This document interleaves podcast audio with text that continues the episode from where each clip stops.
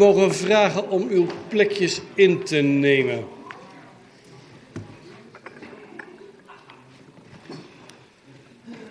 Dank u wel. Ik heet iedereen welkom in deze vergadering. Ook de luisteraars van de radio en van de nou, niet zo heel erg gevulde publieke tribune. Um, goed. Um, ik open deze vergadering. Ik heb bericht van afwezigheid van de heer Kramer ontvangen.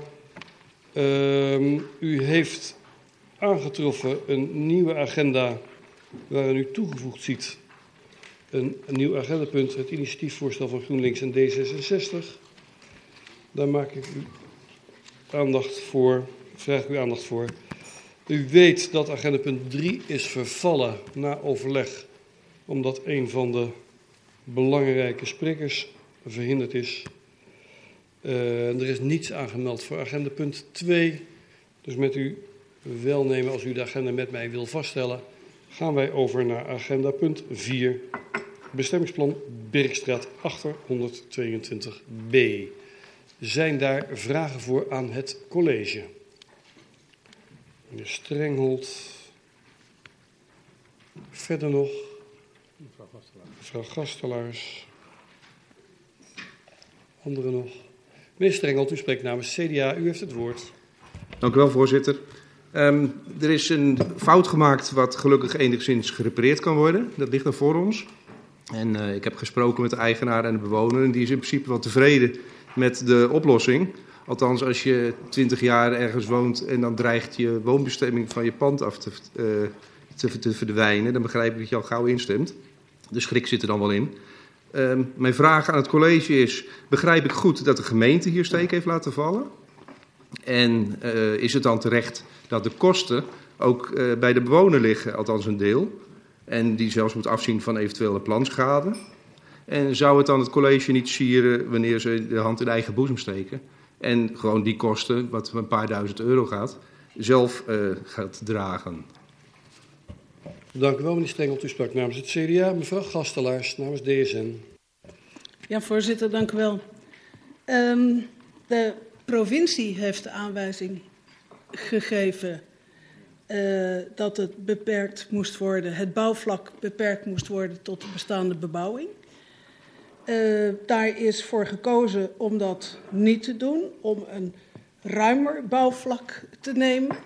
En wij vragen ons af of dat nou wel zo verstandig is, omdat uh, er immers altijd vergunningsvrij ruimte is om groter te gaan bouwen dan uh, een bouwvlak aangeeft. En dan loop je dus het risico, door nu de grenzen breed te stellen, dat de, dat de bebouwing, de nieuwe bebouwing, nog groter wordt en veel groter wordt dan gewenst. En dat is juist wat de provincie heeft willen voorkomen. En onze vraag is, waarom gaat u dit dan toch toestaan? Want daarmee ga je verstedelijking in het buitengebied uh, in de hand werken. Dank u wel, mevrouw Gastelaars. U sprak namens DSN. Zijn er nog anderen uiteraard? Dan kijk ik naar het college bij monden van wethouder Dijkhuizen. U heeft het woord. Voorzitter, dank u wel. Um, meneer Strenghold, u stelt uh, de vraag eigenlijk van... Um, is het onze schuld dat dit, uh, ja, dat dit zo gelopen is zoals het gelopen is eigenlijk? Hè? We moeten even teruggaan naar de, uh, naar de periode 2012-2013... waarin het landelijk gebied zeg maar, herbestemd is. En toen is, um, ja, toen is eigenlijk de woning zoals die is... is niet op de kaart gekomen. En dat hebben wij niet gezien, maar dat heeft de provincie ook niet gezien. En dat heeft eigenlijk niemand gezien. Ook de bewoner heeft het niet gezien. En je kunt je natuurlijk afvragen, ja, maar moet die bewoner dat dan zien? Dus daar zou je natuurlijk... Maar in ieder geval is het, um, is het ons niet opgevallen en de provincie ook niet. En uiteindelijk hebben we geconstateerd dat we het moesten repareren. Dat is ook waar dit over gaat. En dan zegt u, ja, moet je dan die kosten niet gaan delen of moet je die kosten dan niet zelf gaan dragen? Ja, daar kun je natuurlijk over discussiëren, want wiens, wiens schuld is het in dit geval? Ja, dat is eigenlijk allemaal wel een beetje. We hebben het allemaal niet gezien. En uiteindelijk hebben we met de huidige aanvrager, bewoner, deze, middelen, of deze, deze middenweg gekozen, zeg maar, door de kosten te delen met elkaar. En, uh, en daar zijn alle partijen uh, uh, nou ja, blij mee, is misschien een groot woord, maar die kunnen daar prima mee leven. natuurlijk hadden we liever deze reparatie niet willen hebben, want ja, als het in 2013 in één keer goed was gegaan, hadden we dit niet gehad. Maar dat is niet gegaan, dat is niet gedaan. En wij, wij menen, en dat meent ook de aanvraag, dat we het op deze manier gewoon netjes in orde maken voor, voor alle partijen. Mevrouw Gasvlaas, u, uh, u geeft eigenlijk in een, een, notendop aan waarom staan wij toe dat het bouwvlak groter wordt dan, dan eigenlijk de woning op zich is. Volgens mij is dat in de kern, dank u wel, dat is volgens mij in de kern uw vraag. Um, kijk, toen wij het, bouwplan repareerden, zeg maar, in, de, in, de, in het bouwvlak aangaven, toen hebben wij eigenlijk heel plat gezegd, hebben wij helemaal geen lijntje getrokken en hebben wij dat als een totaal bouwvlak gezien. Um, daarvan heeft de provincie als enige zienswijze ingediend en gezegd, ja, om nou verstedeling te voorkomen, wil ik niet dat er nog eens een heel stuk bouwvlak bij komt. En daarin is na alle redelijkheid en alle redelijkheid gezegd, nou weet je, we kunnen nu precies de erfgrens gaan aanpakken, maar misschien moet je iets ruimer nemen dan die erfgrens, want je weet niet wat er in de toekomst gaat gebeuren. Uh, nou ja, daar kunnen we niet in kijken, laat ik het zo zeggen, maar er is uh, absoluut in deze, uh, in deze tekening, in deze reparatie, geen sprake dat je er nog een, nieuw, nieuwe woning neer zou kunnen zetten. Dus we, we staan toe dat dit middels een plattelandswoning uh, ja, kan blijven voortbestaan, zeg maar. Ik neem aan dat u de techniek van een plattelandswoning kent. En, en, de, en de erfgrens is ietsje groter geworden dan de huidige grens van de bewoning. En wij menen daarmee dat wij niet verstedelijking toestaan. En dat is ook de mening die de provincie heeft. En, en ook daar kan de huidige bewoner zich prima in vinden. Dus wij, wij denken serieus dat we daarmee alle partijen uh, ja, gerust en ook tevreden kunnen stellen. Voorzitter, daar wou ik het bij laten. Dank u wel, wethouder Dijkhuizen. Leidt deze beantwoording in eerste termijn nog tot vragen in tweede termijn? Ik kijk even naar beide. Nee, andere nog. Mevrouw Gastelaars, u heeft het woord. Ja, toch nog even. Ik, uh, de, de, de, wethouder die, zegt wel van, nou ja, het valt wel mee en het is niet zo ruim en we gaan uh, verstedelijking tegen. Maar als je nu kijkt naar de beantwoording, staat er dat er wel degelijk uh, een paar meter, of dat het aanduidingsvlak groter wordt dan het huidige vlak, omdat er mogelijkerwijs in de toekomst een herbouw gewenst zou zijn. En dat het nadrukkelijk niet de wens is om meer te bouwen, maar die ruimte die wordt daar wel mee gecreëerd. En dan weten we ook met z'n allen dat wat je ook in een bestemmingsplan afregelt, uh, afspreekt, dat er altijd nog de extra marge is van vergunningsbouwen, waardoor het bouwvlak wat je hebt altijd groter uitvalt dan dat je misschien nu wil. En dat is onze zorg en dat geven we aan. En die zorg die wordt niet weggenomen door de beantwoording van de wethouder. Anderen nog een tweede termijn richting het college? Nee. Voorzitter, dan, uh, als u mij toestaat, dan ga ik toch een stukje techniek met u in, mevrouw Gastelaars. Als u, um, zoals u het ook zegt, hè, de, de, de woning, er is misschien sprake dat die woning ooit nog eens een keer verstevigd moet gaan worden of herbouwd moet worden. Ja, ja, ja nee, maar dat, dat is ook wat ik u zeg. Maar je kunt eigenlijk een woning niet gaan terugbouwen op de fundamenten waarop die nu op dit moment staat. En om daar om toch van herbouw plaats te, uh, te, kunnen maken, moet je iets gaan opschuiven. Dat is eigenlijk techniek waar ik liever uit zou willen blijven. Maar het is echt niet zo dat we daar nu zoveel bouwvlak bij hebben dat er daar meerdere woningen zouden kunnen worden gesitueerd. Dat is niet het geval. Dat is ook de provincie niet met ons, uh, of met ons van mening. Dat, dat is niet het geval. Als ik meneer Stringholt uh, had moeten volgen, dan hadden we juist het hele perceel groter moeten houden. Dat zou verstedelijking in, in de hand werken. Dat willen we nou juist niet. Uh, en uw zorg is, ja, uh, misschien komt er dan toch verstedelijking op deze manier. En wij denken dat dat niet zo is. De provincie is dat met ons een. En, ja, en dan kunnen we daarover nog een hele boom opzetten. Maar uh, ik denk dat het, uh, dat, dat, ja, ik hoop dat ik de, uw zorg daarmee weghaal. En als dat niet lukt, voorzitter, dan, ja, dan is dat jammer. We gaan voorzitter, bij interruptie. Nou, als dat mag. De tweede termijn heeft u gewoon nog. Oké. Okay. Dus, ja. Dit is meer een aan, aanvulling op de opmerking van de wethouder. Ik vroeg niet om een uh, groter bouwoppervlak. Ik zou eigenlijk willen dat de gemeente haar verantwoordelijkheid neemt en gewoon de kosten draagt voor de fouten die ze gemaakt heeft. Daar ging ik mij om. Maar ja, dat was uw inbreng in eerste termijn. Daar heeft de wethouder op geantwoord. Oké. Dan wilt u hierover nog met elkaar over in debat? Nee, dan zien we deze vanzelf weer terug bij de besluitvormende vergadering. Dan ga ik over naar agenda punt 5 de huisvestingsverordening. Meneer Witloks, ik ga dan voor de knip en vragen aan het college, hè? even voor de zekerheid. Ja? Anderen nog vragen aan het college? Meneer Boks, meneer De Ruiter.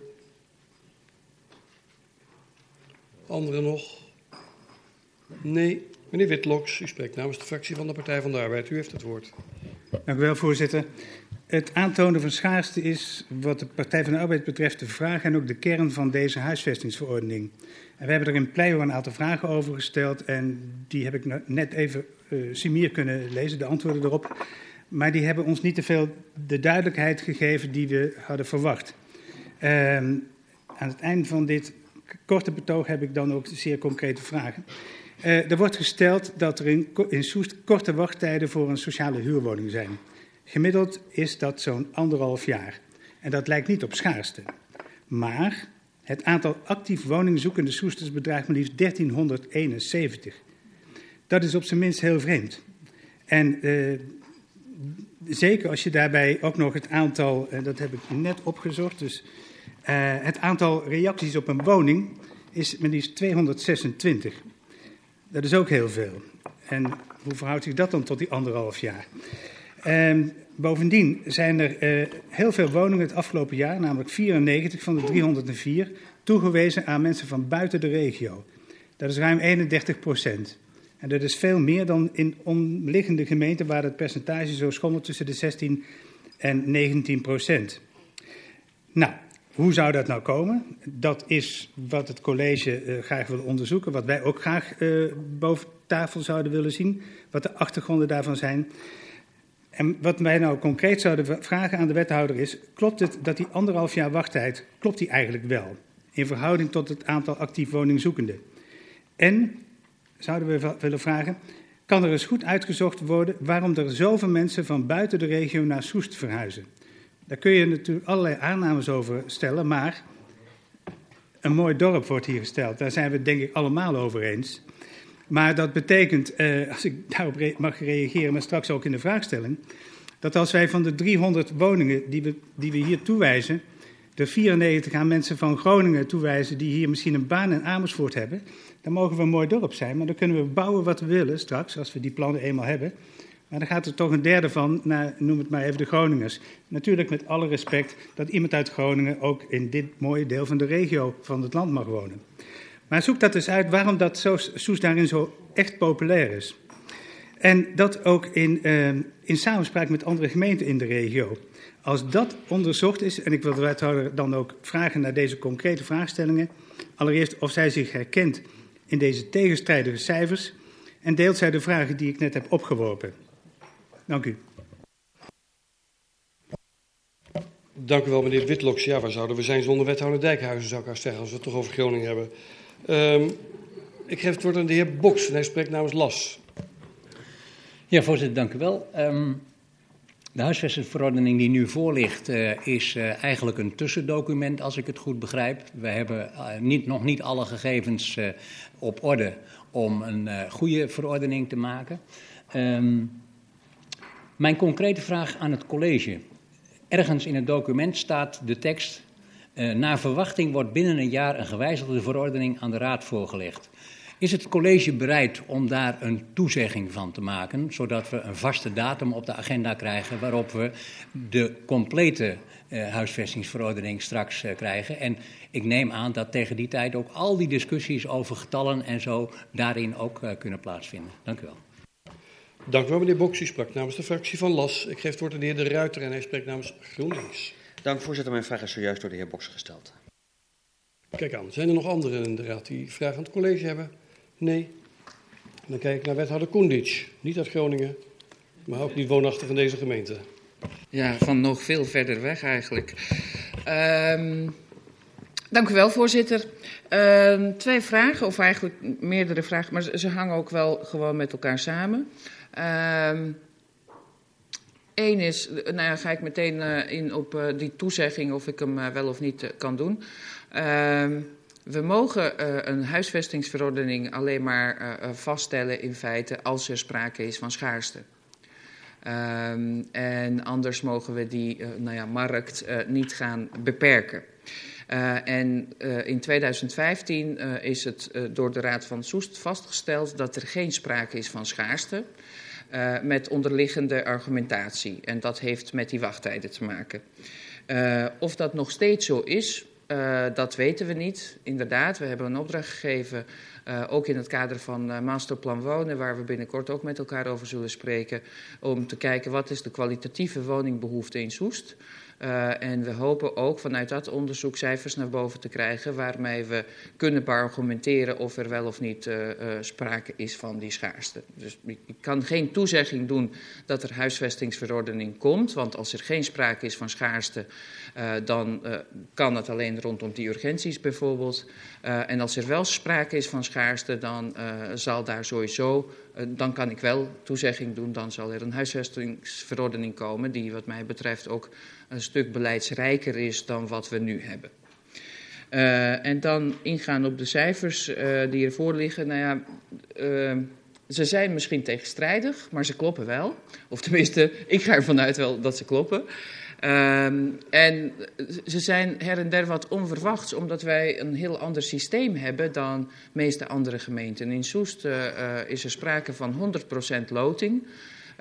dus nou ja, het kan zo zijn dat mensen die relatief korte wachttijd hebben naar de inschrijfduur uh, vaker reageren op lotingwoningen. Uh, dus ze komen niet aan de beurt bij andere gemeentes en bij ons maken ze wel een kans. Uh, dat zou ook kunnen verklaren waarom er misschien veel mensen uit andere regio's ook hier naartoe uh, verhuizen. Nog afgezien dat dit natuurlijk een prachtige plaats is om te wonen. Hè. We zien ook dat heel veel mensen van buiten deze gemeente ook hier woningen kopen. Ook hele dure woningen, dus kennelijk zijn er wel meer redenen. Uh, maar de, de, cijfers die we in Soest hebben, die zijn niet te vergelijken met andere gemeenten, omdat wij simpelweg een ander systeem hebben. De meeste gemeenten hebben de inschrijfduur als criterium. Hè, en dan als je het langst ingeschreven bent, ben je aan de buurt. Uh, en dat is bij ons niet zo. Bij sommige andere gemeenten heb je ook een combinatie van die inschrijfduur in combinatie met loting. Bijvoorbeeld 80% inschrijfduur en 20% loting. Uh, maar ja, je kan het niet één op één op elkaar leggen en dus ook niet vergelijken. En vandaar dat die cijfers misschien wel tegenstrijdig lijken. Maar uh, ze zijn wel aannemelijk en ik ga ervan uit dat ze kloppen. Um, nou, dat heb ik zo ongeveer uh, beantwoord, denk ik, voorzitter. Dank u wel. Wat gaan wij toetsen, wethouder Koendienst? Dank u wel voor uw beantwoording. Zijn er nog aanvullende vragen? Ik zie in ieder geval meneer Boks. U heeft het woord. Uh, wethouder, dank voor het antwoord. Maar het was wel een heel politiek antwoord. Zo van, ik zeg niks toe, maar wees maar gerust. En uh, nou, dat, dat stond al in de tekst. Naar verwachting wordt binnen een jaar enzovoort. Ik zou toch iets concreter die toezegging willen hebben als de onderzoeken geweest zijn. En het blijkt dat er geen schaarste is. Uh, wilt u dan toezeggen dat u dan terstond naar de Raad toe komt en aangeeft: er hoeft geen nieuwe verordening te komen, want er is geen schaarste? Dat we dus de zaak niet op de lange baan schuiven. Daar ging het uh, mij om en daar was mijn eerste vraag op gericht. Dank u wel. Dank u wel, meneer Boks. Anderen nog voor de tweede termijn? Kijk nog een keer naar wethouder Koendic. Ja. Ik, ik, ik, had bijna gezegd, ja, dat beloof ik. Uh, precies. nee, um, nou, als ik kijk wat wij aan regels hebben als het gaat om uh, uh, volkshuisvesting, dan denk ik dat dat wel goed zou zijn als wij wat meer regels zouden kunnen stellen. Uh, wij hebben ook, dat staat ook in het coalitieakkoord, we hebben behoefte om meer grip te hebben op onze eigen woningmarkt, op onze posities daarin. En zeker als het gaat over de betaalbare woningen waar ook sociale huur onder valt. Uh, en dan is de vraag, kunnen we dat? Is dat juridisch wel uh, houdbaar? En als we dat kunnen, dan gaan we sowieso zo snel mogelijk komen met die huisvestingverordening. Dat hangt ook samen met die masterplan die we aan het maken zijn. Als we daarin instrumenten definiëren die we willen toepassen voor die sociale woningbouw, ja, dan zullen we ze toch wel moeten vertalen in die verordening. Anders kunnen we ze niet toepassen. Dus ja, als er sprake is van schaarste, komen we sowieso met een verordening. En als er geen sprake is van schaarste, zal ik u daar zo snel mogelijk over informeren. En zullen we met elkaar kijken, wat kunnen we dan doen? Dank u wel. Dank u wel, wethouder Koendic. Dan, heeft u nog behoefte om daar onderling met elkaar over te debatteren? Nee? Dan ga ik over naar agenda punt 6. De voorjaarsnota. Ik had mij voorgenomen, als u het goed vindt om uh, in de ronde vraag aan het college om dat in drie stukjes te knippen. De bestuurlijke inleiding uh, de inhoudelijke hoofdstukken van alle paragrafen en uh, als laatste de, de losse paragrafen zeg maar, van, de, van de bijlagen, zoals u dat goed vindt. En dan vervolgens na de knip eventueel debat. kunt u instemmen met deze procedure van behandeling? Of wilt u het liever allemaal in één keer?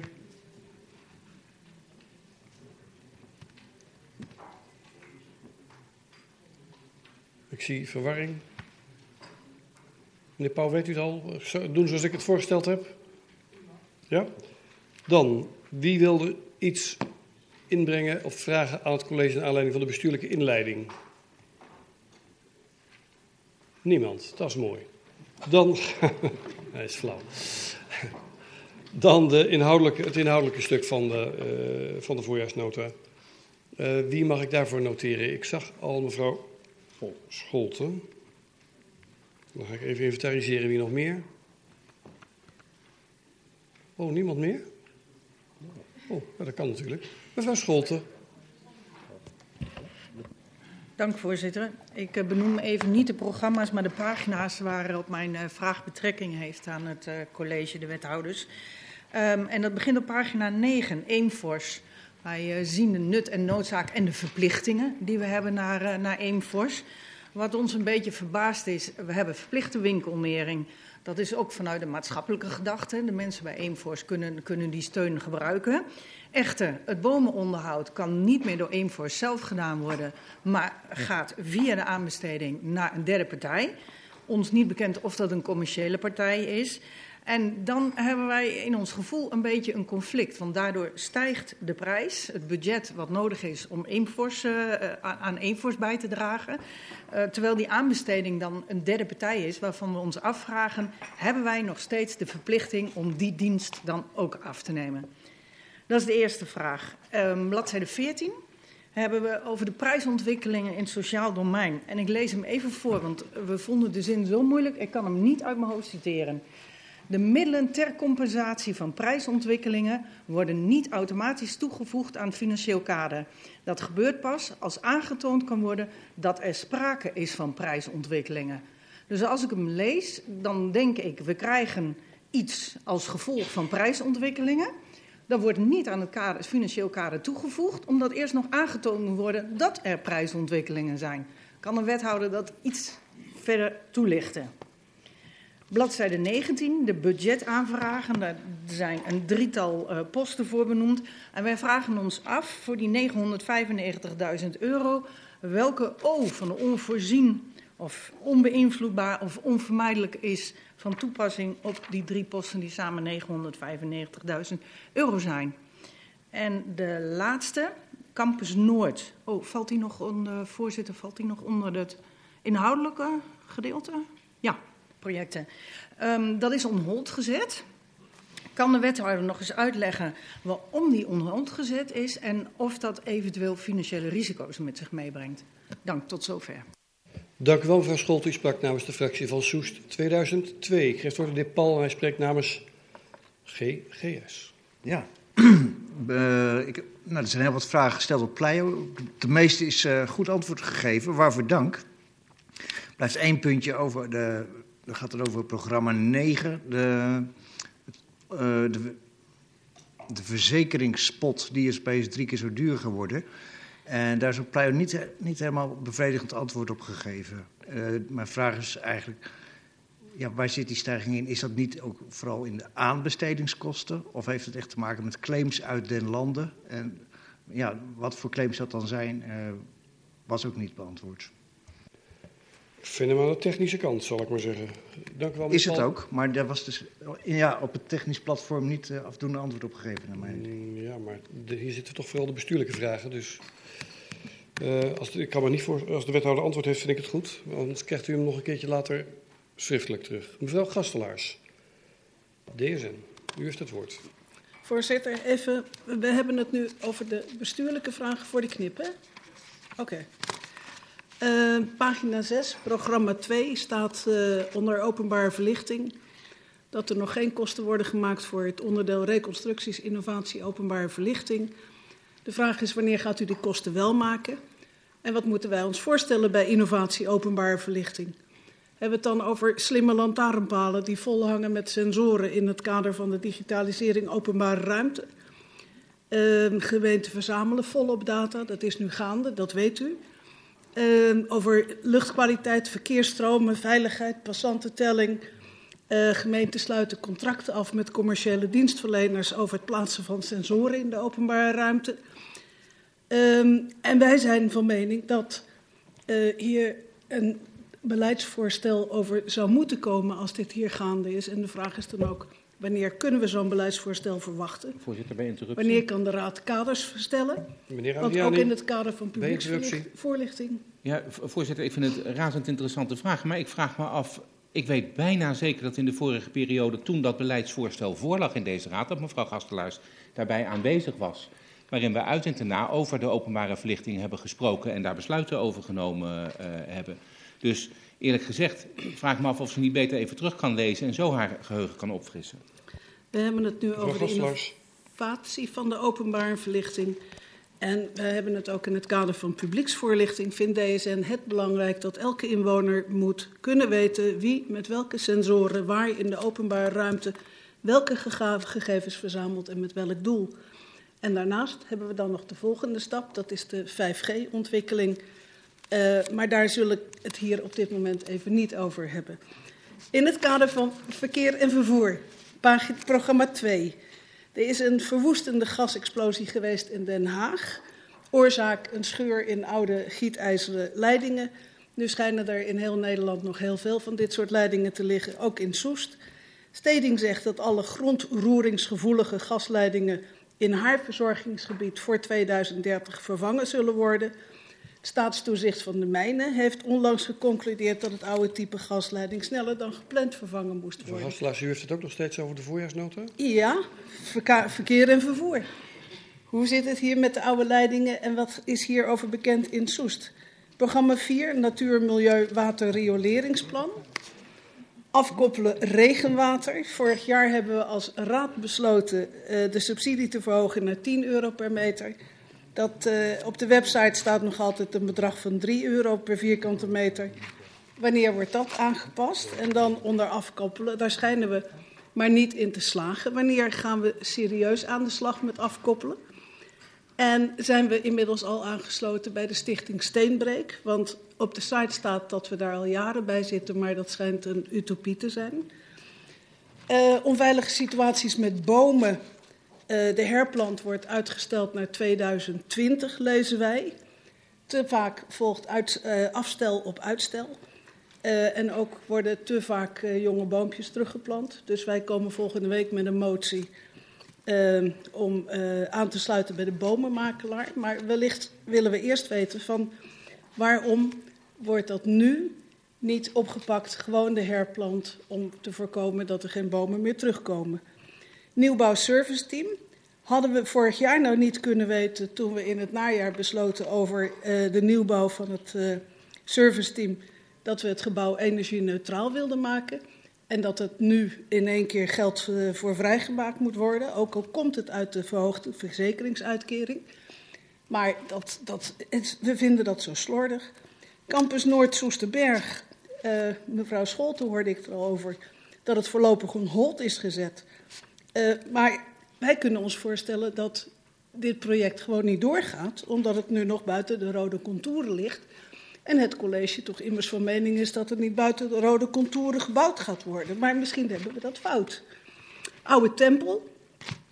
Uh, volgende week komt er een heel nieuw verhaal. En er komt een aangepast bestemmingsplan Oude Tempel. Volgens ons zou er een geheel nieuw bestemmingsplan moeten komen, omdat de Raad van State het vernietigd heeft. Maar misschien kunnen we daar nog iets over horen. En dan de vliegbasis, de bouw van de woonwijk van 225 woningen in de natuurlijke omgeving. Is er al iets bekend over de gevolgen van de aangetroffen bodemvereiniging van de basis? Want volgens de provincie zou die leiden tot uh, miljoenen schade en miljoenen kosten en uh, jaren vertraging. Dus misschien moet ook hier de bouw uh, uitgesteld worden of gewoon afgeblazen worden. Tot zover. Dank u wel, mevrouw Gastles. Ja, ik heb de tekst niet helemaal voor ogen, maar ik heb de indruk dat er heel veel vragen naar aanleiding van zijn. En ik weet niet of dat helemaal. Uh, maar goed, ik laat het even aan de wethouder over. Om daarop in te gaan. Anders dan ga ik toch even schorsen om te kijken wat wel of niet beantwoord kan worden. Um, dank u wel. U sprak namens DSN. Uh, meneer Boks namens LAS heeft zich nog gemeld. U heeft het woord. Ja, voorzitter. Um, ik had hem ook al genoteerd staan, uh, maar uh, de vraag uh, die door mevrouw Scholte gesteld werd over de inzet van Eenfors, die gaf ons een wat vervelend gevoel.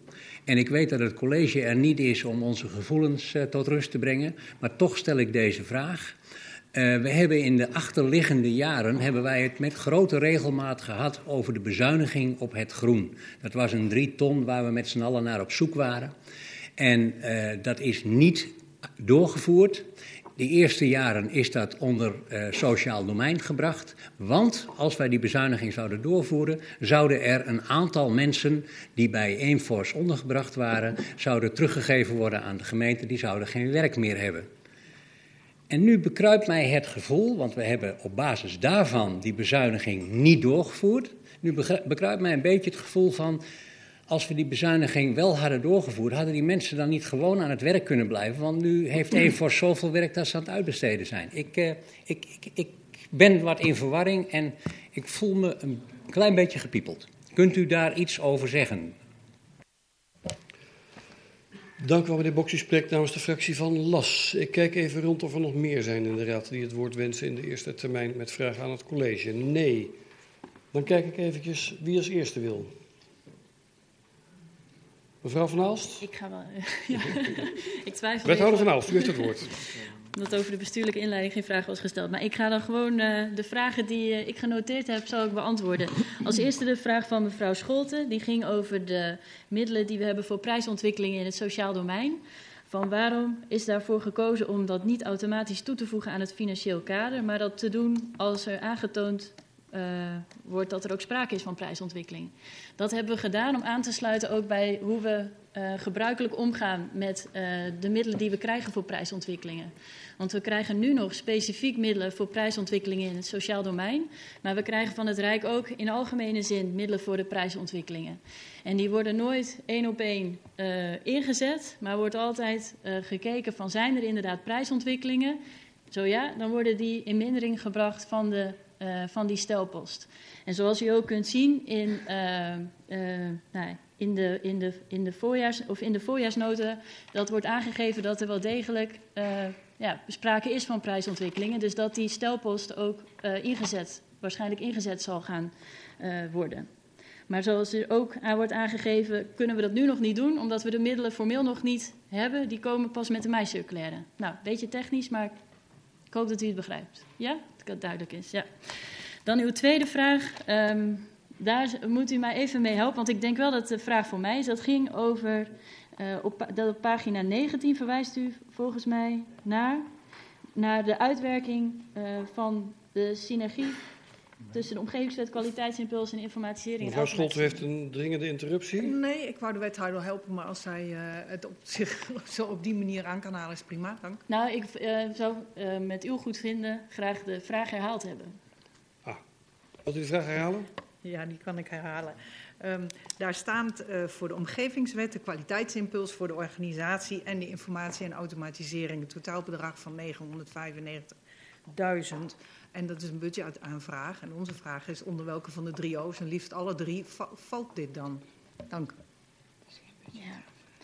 Um, nou, dit is, um, eigenlijk willen we u hiermee laten zien van hoe we uitwerking hebben gegeven aan wat in de begroting vermeld stond. Namelijk dat we voor deze drie posten een, nou, we hebben dat een synergievoordeel hebben uh, aangegeven. Dus in die zin is het niet onvoorzien, onvermijdelijk of onbeïnvloedbaar. Maar het is meer dat we transparant uh, willen zijn en ook aan uw raad willen laten zien hoe dat uiteindelijk is ingevuld. Dus in die zin uh, nou, klopt uw constatering. En dan een vraag van de heer uh, Paul over de verzekeringen. Um, nou, op Pleio is u geantwoord dat wij um, een nieuwe aanbesteding hebben moeten doen. Dus opnieuw het contract hebben moeten hernieuwen. Dat we dat volgens de regels Europees moeten aanbesteden. Dat we daarvoor de goedkoopste gekozen hebben. En dat dat helaas aanzienlijk duurder uitvalt. Um, nou, dat is eigenlijk het antwoord. En mochten daar nog denken van, nou, ik zou toch nog een nadere toelichting graag willen, dan uh, stel ik voor dat wij daar nog even contact over hebben. Dank u wel. Dank u wel, wethouder Van Aalst. Ik kijk even. Ja, wethouder Koendic? Tenminste, ik heb ook een aantal vragen genoteerd waarvan ik denk, nou, die zijn vast voor mij. Uh, eerst de, de vragen naar aanleiding van een stukje over uh, verkeer en vervoer. Maar ik, had de indruk dat het eigenlijk meer ging over de uh, mogelijke dataverzamelingen uh, door de gemeente en de voorlichting aan onze inwoners daarover. Uh, voor zover mij bekend is, verzamelen wij uh, geen data tenzij dat onze wettelijke taak is, maar niet via sensoren en andere dingen. Um, en valt er ook niks voor te lichten op dat gebied uh, voorlopig. Dat neemt niet weg dat het misschien verstandig zou zijn om ook aan de slag te gaan met uh, smart city oplossingen die ons kunnen helpen met uh, beleid en uitvoering en allerlei andere dingen. Maar mocht dat zover komen, dan zult u daar zeker wel van weten. Uh, en als u daartoe besluit, dan zullen onze inwoners daar ook over geïnformeerd worden. een andere vraag, ook naar aanleiding van verkeer en vervoer, was. Ik heb de exacte vraag niet genoteerd, maar het ging in ieder geval over, over oude leidingen in Soest. Uh, nou weet ik ook, met name vanuit de energietransitie, dat uh, er inderdaad heel wat kilometers aan gasleidingen in de komende jaren in Soest uh, vervangen zouden moeten worden. En dat nemen we ook in dat traject, maar er zijn nog geen ges gesprekken geweest met Stedin over concrete werkzaamheden of wat moet er gebeuren of dat soort dingen. En wat dat betreft doet Stedin ook gewoon zijn werk en we kijken waar we uh, nou ja, een integratievoordeel met elkaar kunnen boeken. En dan had ik nog vragen over de oude tempel en vliegbasis nieuw bestemmingsplan versus aangepast bestemmingsplan. Ja, dat is misschien ook wel uh, semantiek. Uh, de Raad van State heeft inderdaad het huidige bestemmingsplan vernietigd. en we zullen een nieuw aangepast bestemmingsplan aan uw raad voorleggen. Want er zijn heel wat punten waarvan de Raad van State heeft gezegd, nou die zijn in orde. En er zijn drie punten waarvan de Raad van State heeft gezegd, die zijn niet in orde. Nou, die drie punten gaan we aanpassen en de overige onderdelen laten we zoals ze zijn. En dat uh, als geheel uh, leggen we aan u voor. Uh, en laatste vraag over de vliegbasis en aangetroffen bodemverontreiniging. Ik ga ervan uit dat dat gaat over PFOS, wat, wat niet zo lang geleden in het nieuws was. Inderdaad, dat is daar aangetroffen. Daar is de provincie ook mee bezig als projecttrekker vliegbasis. Uh, daar is zelfs een voorlopige norm vastgesteld, want de normen voor die verontreiniging waren eigenlijk ook landelijk nog niet, uh, die zijn ook landelijk nog niet vastgesteld, maar de provincie mocht in de lijn der discussies uh, dat wel voorlopig vaststellen. En daar zijn ze gewoon mee aan de slag. Er is nog geen, dat dat enige vertraging oplevert, dat lijkt me wel, maar hoeveel dat precies is en dat soort dingen, dat is nog niet bekend. Dank u wel. Dank u wel, wethouder Koendic. Wethouder Treep, u heeft het woord. Uh, twee vragen over Eemfors en bomen. Uh, de gevoeligheid van u. Nou, de bomen zijn ook gevoelig. Bomenonderhoud hebben we geconstateerd is een, uh, een vak apart. Dat vraagt expertise die Eemfors ons niet kan leveren. En daarom hebben zij tot 2017 het bomenonderhoud wel gedaan, maar zijn we daarvan afgestapt en is daar een derde partij voor ingehuurd. Maar dat zit niet, is niet alleen de verklaring van de kostenstijging, dat zit ook in hun eigen loonindexatie, in de eenheidsprijzen voor de werkzaamheden die ze wel doen. En uh, ja, dat maakt dat we toch zien dat daar een, eh, een, een stijging in zit. Uh, het groenbeheerplan op zichzelf, daar komen we bij u op terug. We zijn met elkaar aan het kijken hoe we in de toekomst uh, het groen gaan beheren en welke taak Aimforce daarin heeft en wat we daarvoor nodig hebben.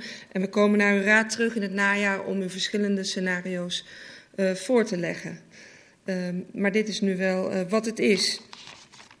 Um, een vraag over de openbare verlichting.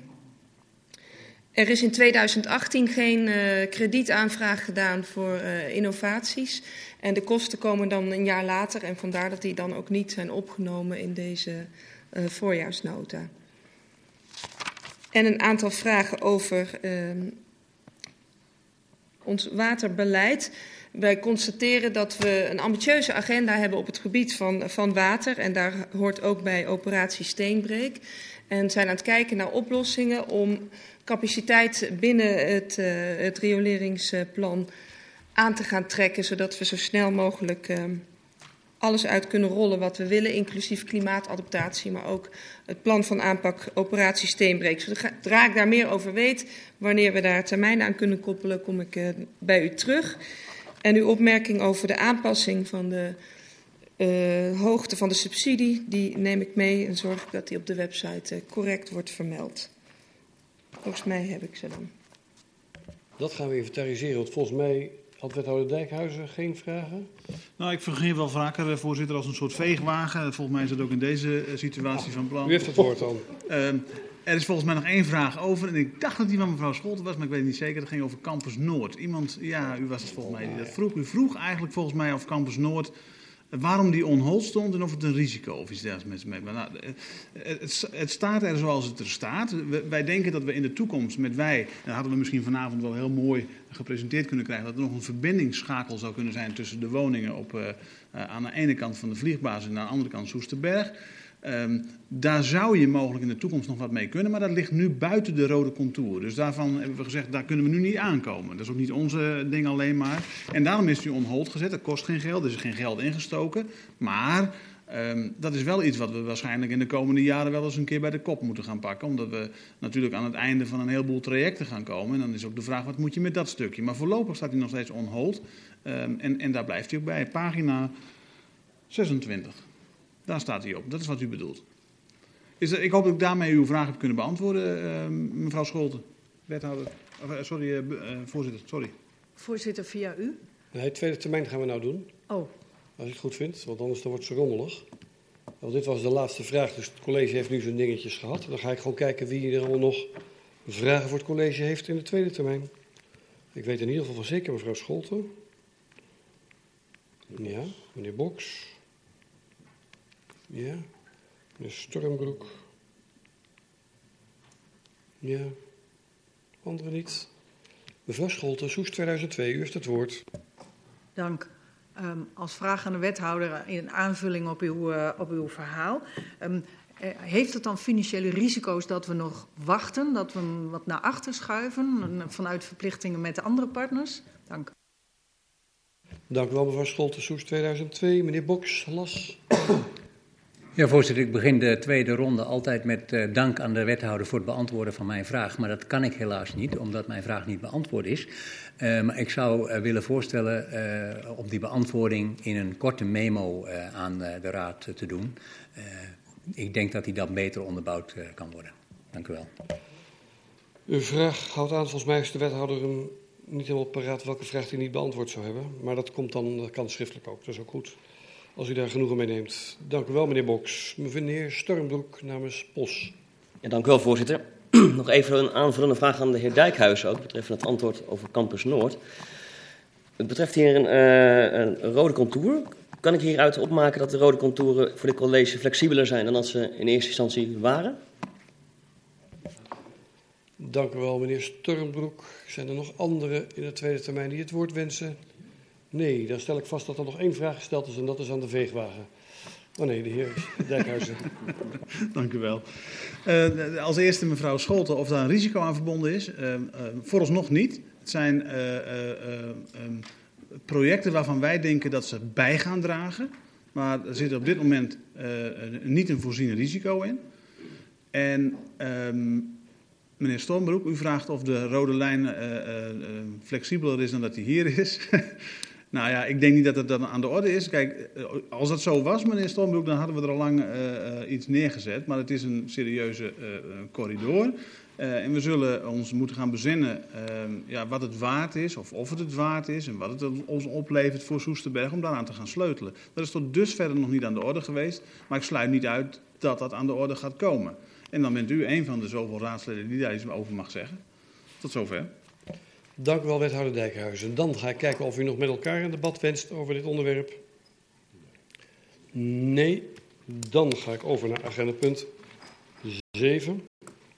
Een nieuw agendapunt, een initiatiefvoorstel van GroenLinks D66 met de titel Geen sticker, geen reclame. Ik kijk naar GroenLinks, meneer Kouwmans. Wilt u toelichten? Jazeker, dank u wel, voorzitter. Uh, ik zou het voorstel inderdaad graag toelichten namens de fracties van GroenLinks en D66. Dank daarvoor. Um, nou, met dit voorstel, zoals u heeft kunnen lezen, stellen we voor om ongeadresseerd reclamedrukwerk alleen nog maar te laten bezorgen bij inwoners die een ja-ja-sticker hebben aangebracht op de brievenbus. En dat noemen we dan een zogenaamd opt-in systeem. Nou, deze maatregel past uitstekend binnen de duurzame ambities die we ons als raad hebben gesteld. En in het halen van deze ambities is het verminderen van afval echt volgens mij cruciaal. En het verminderen van reclameafval is daarbij een goede stap. Nou, u heeft in het voorstel kunnen lezen dat uh, huishoudens nu zo'n 33 kilo reclamedrukwerk per jaar ontvangen. De huishoudens die geen sticker hebben geplakt. Terwijl het in drie van de tien huishoudens ongelezen bij het afval gaat en regelmatig ook nog eens bij het restafval belandt. Nou, dat moet echt anders. Voorzitter, in onze regio wordt oud papier al heel goed gerecycled en beter nog dan plaatsen zoals Amsterdam. Maar recyclen van afval is goed, maar het voorkomen van afval is natuurlijk veel beter. Daarnaast betekent deze keuze minder gekapte bomen, minder verspilling van drukinkt en minder energiegebruik voor transport. Dit voorstel zal het reclameafval aanzienlijk doen dalen, wat het milieu onbetwistbaar ten goede komt. Dus voorzitter, daarom vragen de fracties van GroenLinks en D66 de Raad om in te stemmen met het volgende besluitpunt. De Raad verzoekt het college om een voorstel aan de Raad voor te leggen voor de invoering van het opt-in systeem voor reclamedrukwerk, tenminste voor de begrotingsbehandeling van 2020. En een nadere uitwerking van de financiële, communicatieve en handhavingsaspecten onderdeel van het, uh, van het voorstel te laten uitmaken. Dank u wel. Dank u wel, meneer Kouwmans. U sprak namens de fractie van GroenLinks en mede namens initiatiefnemer D66. Ga ik vanuit uh, voor de orde van de vergadering. Ik, uh, zijn er vragen vanuit de Raad aan de indienende fracties? Dan ga ik dat even noteren. Uh, en als er behoefte is aan de reactie van het college, dan komt dat op uw verzoek ook vast nog wel. Maar ik zie in ieder geval meneer Witloks, meneer De Wilde, meneer Groothuis, meneer Boks. Nou, gaan we dat eerst doen. Meneer Witloks, Partij van de Arbeid, u heeft het woord. Dank u wel, voorzitter. Uh, op zich hebben wij uh, sympathie voor het voorstel om het uh, afval in de vorm van ongelezen terugwerk terug te dringen. Dan hebben we een vraag, en dat heeft ons een verkiezing of twee geleden parten gespeeld. Toen wij onze politieke flyers in de bus deden bij veel mensen.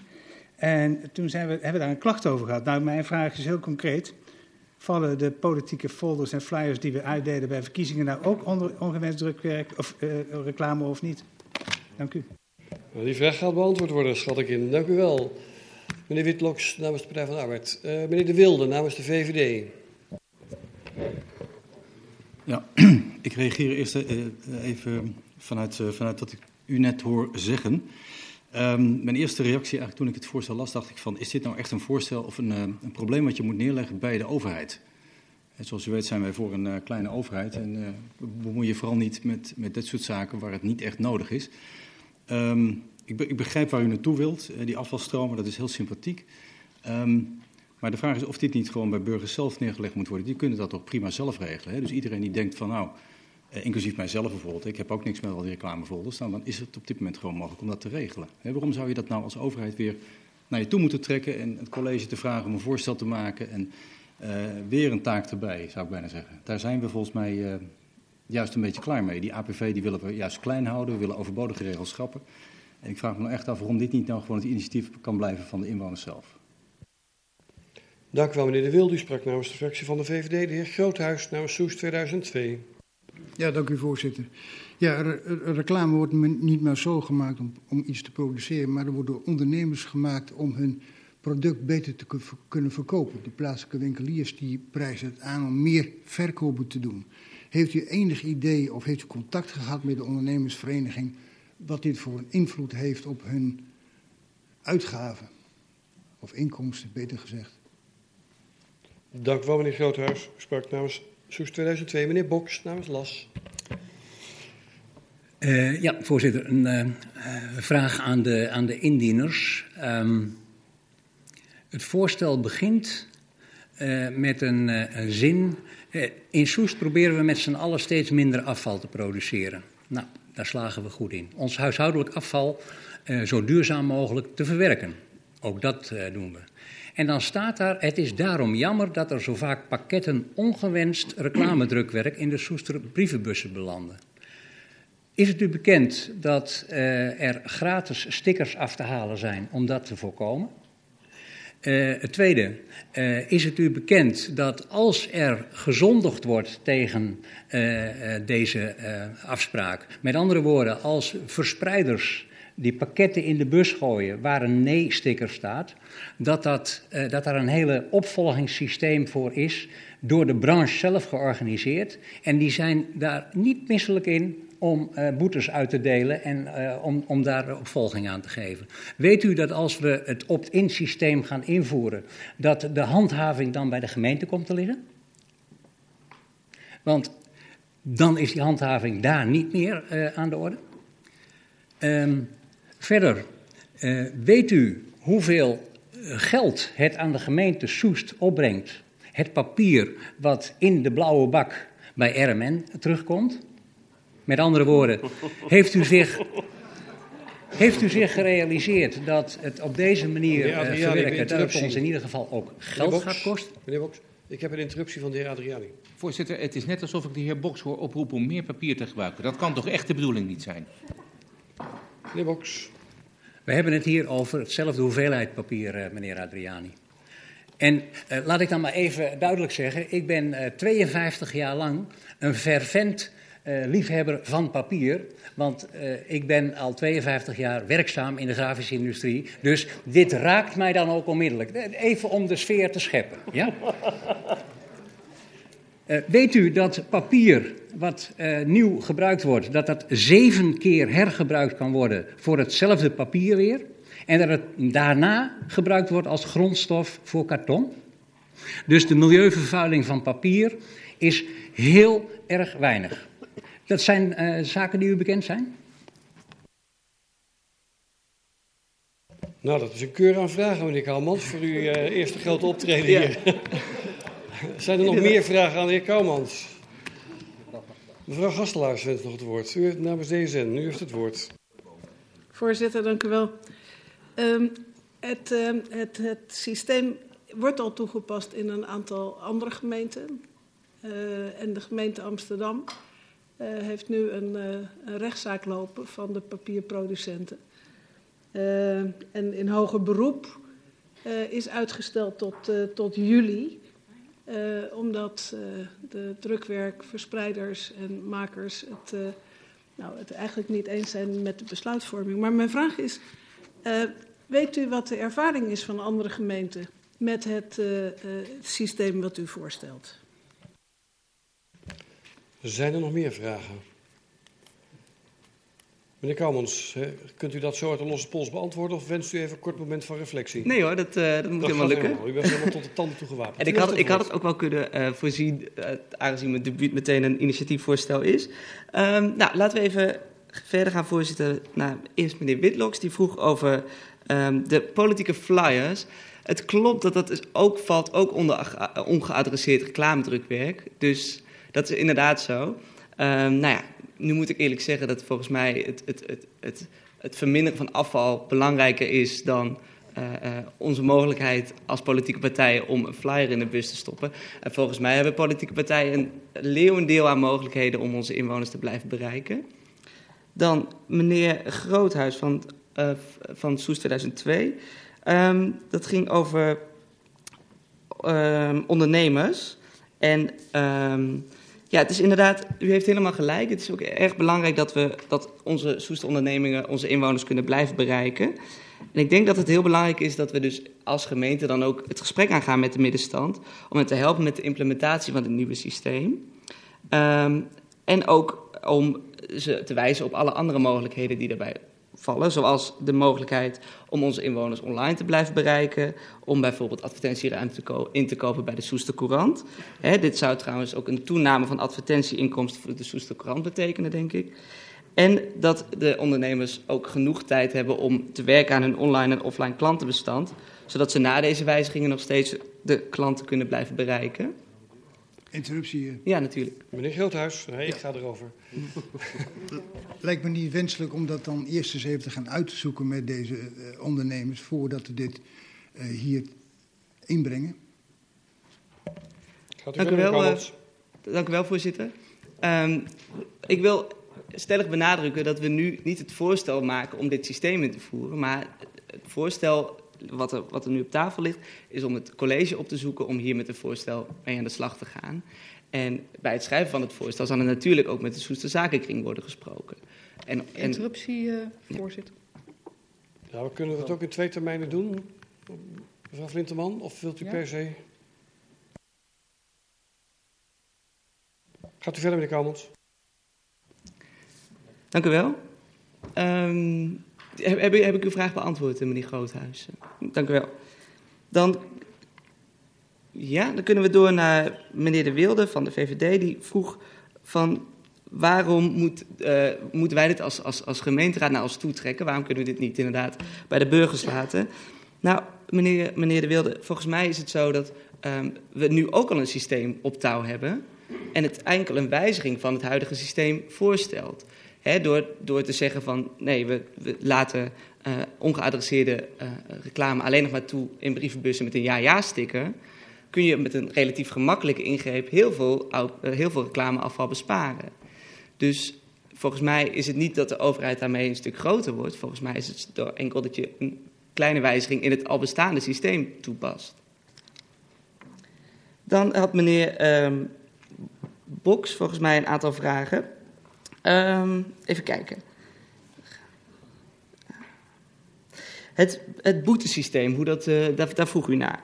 Het is inderdaad zo dat als een eh, huishouden nu momenteel eh, on- ongewenste reclame ontvangt en daar een sticker voor heeft aangebracht, dat hij naar de reclamecodecommissie kan stappen met een klacht over de, dat de bezorging onterecht is gebeurd. Dat is hierna ook nog steeds het geval. Dus als er straks met een zonder, sticker, zonder briefbesticker ongeadresseerd reclamedrukwerk wordt bezorgd, kan, kan de eh, inwoner nog steeds naar de reclamecodecommissie om daar een officiële klacht voor in te dienen. Dus dat, dat systeem blijft volgens mij gewoon zo. Ja? Ehm, de handhaving. U zegt van de handhaving komt dan of meteen bij de gemeente te liggen. Maar dat is volgens mij niet waar. Want u- er kan nog steeds. De reclamecodecommissie is nog steeds de eerste instantie die benaderd moet worden als er een onterechte verspreiding plaatsvindt. Dan, u zegt van het oud papier, over dat dat veel geld zal opbrengen voor de gemeente. Ehm, nou, ten eerste, zoals ik net ook al benadrukte, komt heel veel eh, reclamedrukwerk komt in zo'n folderpakket met zo'n plastic, plastic eh, eh, velletje eromheen. Nou, dat, dat belandt, ik, ik, ik hoorde, las echt 39% ehm, van de tijd belandt dat bij, bij de restafval. Dus dat zijn alleen maar kosten voor de gemeente om dat, dat afval weer te verwerken. Ehm, en ik ben het inderdaad met de heer Adriani eens dat het doel moet toch zijn om de afvalstroom te verminderen. Ja. Ehm, u zegt dat het karton zeven, of de oud papier zeven keer kan worden hergebruikt. Ehm, dat, dat klopt inderdaad, maar zoals ik ook al benadrukte, is er natuurlijk in die hele stroom komt er komen ook transportkosten bij, komen drukkosten bij, inkkosten. Ehm, en dat is, er wordt nu ongeveer, ik las 80% van het oud papier kan worden hergebruikt. Maar dat blijft toch zo. Dat, er, zal nieuw, er zal nieuwe bomen, er zal, er nieuwe, nieuwe papier wordt- moeten worden gemaakt. Dus dat is nog steeds, heeft dat een impact, ook op, op, ook op het milieu. Als laatste had mevrouw Gastelaars een opmerking over de eh, rechtszaak die momenteel speelt in de gemeente Amsterdam. Dat klopt, het is helaas zo. Eigenlijk zou afgelopen dinsdag zou er een uitspraak in zijn. Dus ik had daarop ook eh, de, de timing van dit voorstel daarop ingeschat. Anderzijds denk ik van, nou, er zijn heel veel gemeentes die, ondanks de, dat de uitspraak van het hoge beroep nog niet is geweest, toch al hebben besloten om dit, eh, de- dit systeem in te voeren. Ook Rotterdam is daar nu het geval, Utrecht, Dronten, een hele, hele legio aan gemeentes. Wat ik wil benadrukken is dat we nu niet het besluit nemen om dit, systeem al te wijzigen. Enkel om het, om het college op te roepen om hiermee met een voorstel te komen. Nou, in de voorbereidingstijd van dit voorstel zou, komt ook die uitspraak natuurlijk. En dan kan het college daar goed rekening mee houden. En dan kunnen we over een tijdje met z'n allen debatteren over hè, wat, wat staat er nou precies in het voorstel en hoe is die uitspraak van de Hoge Rechtshof daarin meegenomen? Dank u wel. Ja, dat was een uitbundige beantwoording op een uitbundige reeks vragen. Ik ga even inventariseren wie er in de tweede termijn wil. En ik heb in ieder geval mevrouw Gastelaars gezien. En ik had eigenlijk in gedachten nog mevrouw Flinteman genoteerd. Ja? Meneer De Wilde. Meneer Boks. Dat verbaast me ook niet geheel. Ja. Meneer De Wolf.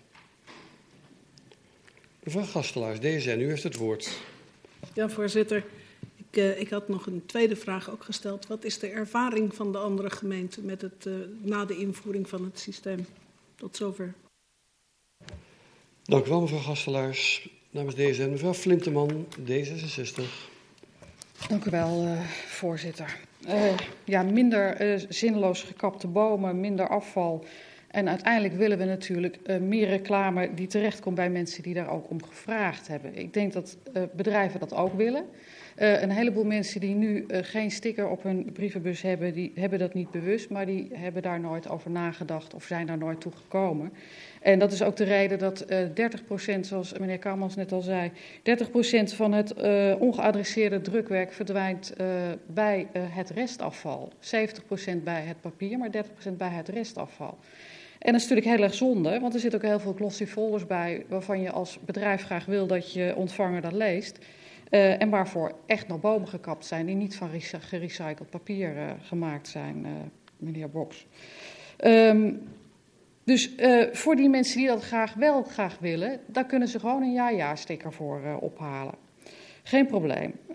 daarnaast is het voor de bedrijven ook niet zo'n probleem. ik denk dat de branche op eigen kracht prima alternatieven en de flexibiliteit heeft om innovatief over andere opties na te denken. Uh, want die trend van print naar uh, uh, analoog en naar digitaal en online, dus van drukwerk naar online, die is al meer dan twintig jaar gaande. Als je daar als bedrijf nu niet in je communicatiemiddelen op ingespeeld hebt, dan heb je toch misschien wel een slag gemist. Voorzitter, bij interruptie. Het gaat hier niet om de bedrijven, maar het gaat hier om de ontvangers van het drukwerk. Er zijn nog heel veel mensen bij die niet online zijn en die zich uh, uh, niet storen, die het zelfs heel fijn vinden om dat drukwerk te ontvangen. Mevrouw Flinteman. Nou, kijk, meneer Boks, dan is dat heel erg fijn, want ze hebben hele mooie zwarte stickers met uh, briljant groene letters waar ja-ja op staat die ze op hun brievenbus kunnen plakken. En dan krijgen ze fijn nog alle folders gewoon in print, in de bus, die ze willen, naast de huis- en huiskrant. Uh, dus het is geen enkel probleem. Uh, daarnaast vermoed ik ook dat de Soester Courant er wel van gaat profiteren als er iets minder ongewenst drukwerk in de bus komt. Want dan gaan bedrijven meer adverteren. Um, dus we willen ook helemaal niks verbieden als D66 zeker niet. Uh, om, om, aan te sluiten bij de VVD. We willen helemaal niks verbieden. We zeggen alleen niet zonder mijn toestemming. Dus met andere woorden, baas in eigen bus. Dank u wel, mevrouw Flinterman, denk ik. Schatting dat het de uitsmijter was. Um, namens de fractie van D66. Meneer De Wilde, VVD. Ja, toch even nog een reactie richting meneer Kouwmans en ook richting de reactie net van D66 van mevrouw Flinterman. Um, ik blijf het idee houden dat we een probleem aan het oplossen zijn wat er niet is. Want er is op dit moment een perfect systeem waarin mensen kunnen aangeven dat ze dit niet willen. En als jij. Interruptie, um, voorzitter. Als wij, als wij vinden dat dat blijkbaar door mensen onvoldoende wordt gedaan, dat ze er niet over nadenken. Mevrouw Flinteman, bij interruptie. Uh, nou, u zegt een probleem wat er niet is. Er is een probleem van 30% ongeadresseerd drukwerk wat bij het restafval terechtkomt, wat niet nodig is. Dus dat is een heleboel afval wat uh, geproduceerd wordt, uh, waar niemand op zit te wachten. Dus als we het omdraaien, dan verwachten we dat er minder uh, bij het restafval terechtkomt. Want mensen krijgen het alleen als ze het echt willen. Dus het, uiteindelijk is het ook weer een kostenvermindering, omdat er minder restafval is. Maar dat er ook minder bij het oud papier terechtkomt en er minder bomen voor gekapt moeten worden, et cetera, et cetera. Dus dat ja. is wel een probleem. Meneer De Wilde. Uw uitgangspunt is uh, dat u eigenlijk zegt van die burgers die hebben het niet begrepen. Want 30% uh, denkt er niet goed over na. Dus ik moet als overheid moet ik nu zeg maar een soort belerend vingertje op gaan steken. Want ik moet ze nu maar eventjes gaan uitleggen dat er een systeem moet worden opgetuigd U wilt zelfs dingen in de APV gaan opnemen. Dat betekent dat er wel degelijk, hè, meneer Kalmans ontkende dat net, maar dat er wel degelijk ook een proces komt waarin, ik ben het met meneer Boks eens, gehandhaafd moet worden door de gemeente. Dus dat zijn allemaal dingen waar je goed over na moet denken. Bovendien gaat u nu het college vragen om weer voorstellen uit te werken. Voor mij heeft het college het al druk genoeg met andere dingen. Um, terwijl het zo simpel is, namelijk er is een mogelijkheid om gewoon op je bus een sticker te plakken. Dat is er nu ook al. En als je nou echt iets zou willen doen, zou ik zeggen, nou ja, probeer de mensen dan misschien nog iets bewuster te maken. Of geef ze gratis stickers en deel die uit en dan is het ook klaar. Dus ik zie, het, ik zie het hele systeem wat u wilt optuigen, zie ik uh, niet in verband met het uh, probleem wat u schetst. Dank u wel. Dank u wel, meneer De Wilde. U sprak namens de fractie van de VVD. Meneer Boks, Las. Ja, voorzitter, uh, dank u wel. Um, een heleboel antwoorden voorbijgekomen waar ik uh, het uiteraard niet mee eens ben en waarvan ik ook uh, vind dat, uh, dat er niet voldoende is gekeken naar de achtergronden. Um, de vergelijking met Amsterdam. In Amsterdam kwam maar 30% van het papier kwam bij papierrecycling terecht en 70% belandde bij het restafval. En daarop gebaseerd heeft de rechter de uitspraak gedaan: het is toegestaan dat Amsterdam met een opt-in systeem gaat. Puur gebaseerd op die verhouding van zoveel papier wat in het restafval terechtkomt. In Soest hebben wij die situatie helemaal niet. Dus is daar, daar niet mee vergelijkbaar. Ik zou willen uh, uh, zeggen, uh, wij krijgen binnenkort een startnotitie grondstoffenmanagement. Ik zou willen vragen aan het college om, om daar ook wat aandacht te besteden, extra aandacht te besteden aan de factor papier. Waar komt het vandaan? Hoeveel wordt gerecycled? Enzovoort. Zodat we daar ook wat inzage in krijgen. En al die aannames die, die er nu over tafel vliegen, ook van mij hoor. Meneer de voorzitter. On, dat die onderbouwd gaan worden. Ik, ik, vind dit, ik vind dit niet helemaal passend. Wij luisteren allemaal heel goed hoor. En uh, wij hebben ook allemaal papier. Ik vind het echt volkomen overbodig en zonde van de tijd van het college om hier een voorlichting over meer papier te doen. Bespaart u mij dat?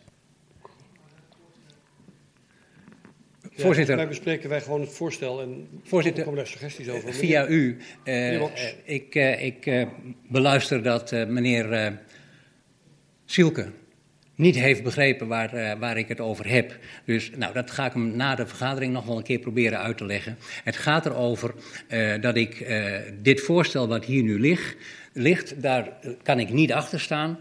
Uh, zoals uh, collega uh, van de VVD net al zei, het college heeft wel wat, nogal wel andere dingen ook te doen. Ik zou kunnen voorstellen, neem het verhaal papier mee in het startnotitie grondstoffenmanagement. Dan kunnen we ook zien wat het ons kost als we daar heel veel in gaan terugdringen. En wellicht zou het een goed ding zijn dat wij een huis aan huis memo maken aan al onze inwoners en dat we daar de sticker nee, nee en nee, ja in doen. Zodat ze hem gewoon allemaal in huis hebben en uh, hem kunnen opplakken als ze echt die uh, rommel, zoals ze zeggen, niet willen hebben. En dan heb je het heel snel opgelost. Dan haal je al die ellende niet naar je toe. Eén keer een mooie voorlichtingsbrief aan iedereen. Dank u wel. Dank u wel, meneer Boks. U sprak namens de fractie van LAS. Ik geef het woord aan de heer De Wolf en hij spreekt namens GGS. Ja, voorzitter, dank u wel. Uh, GGS vindt het in principe een heel sympathiek voorstel, maar dat blijkt nu ook wel.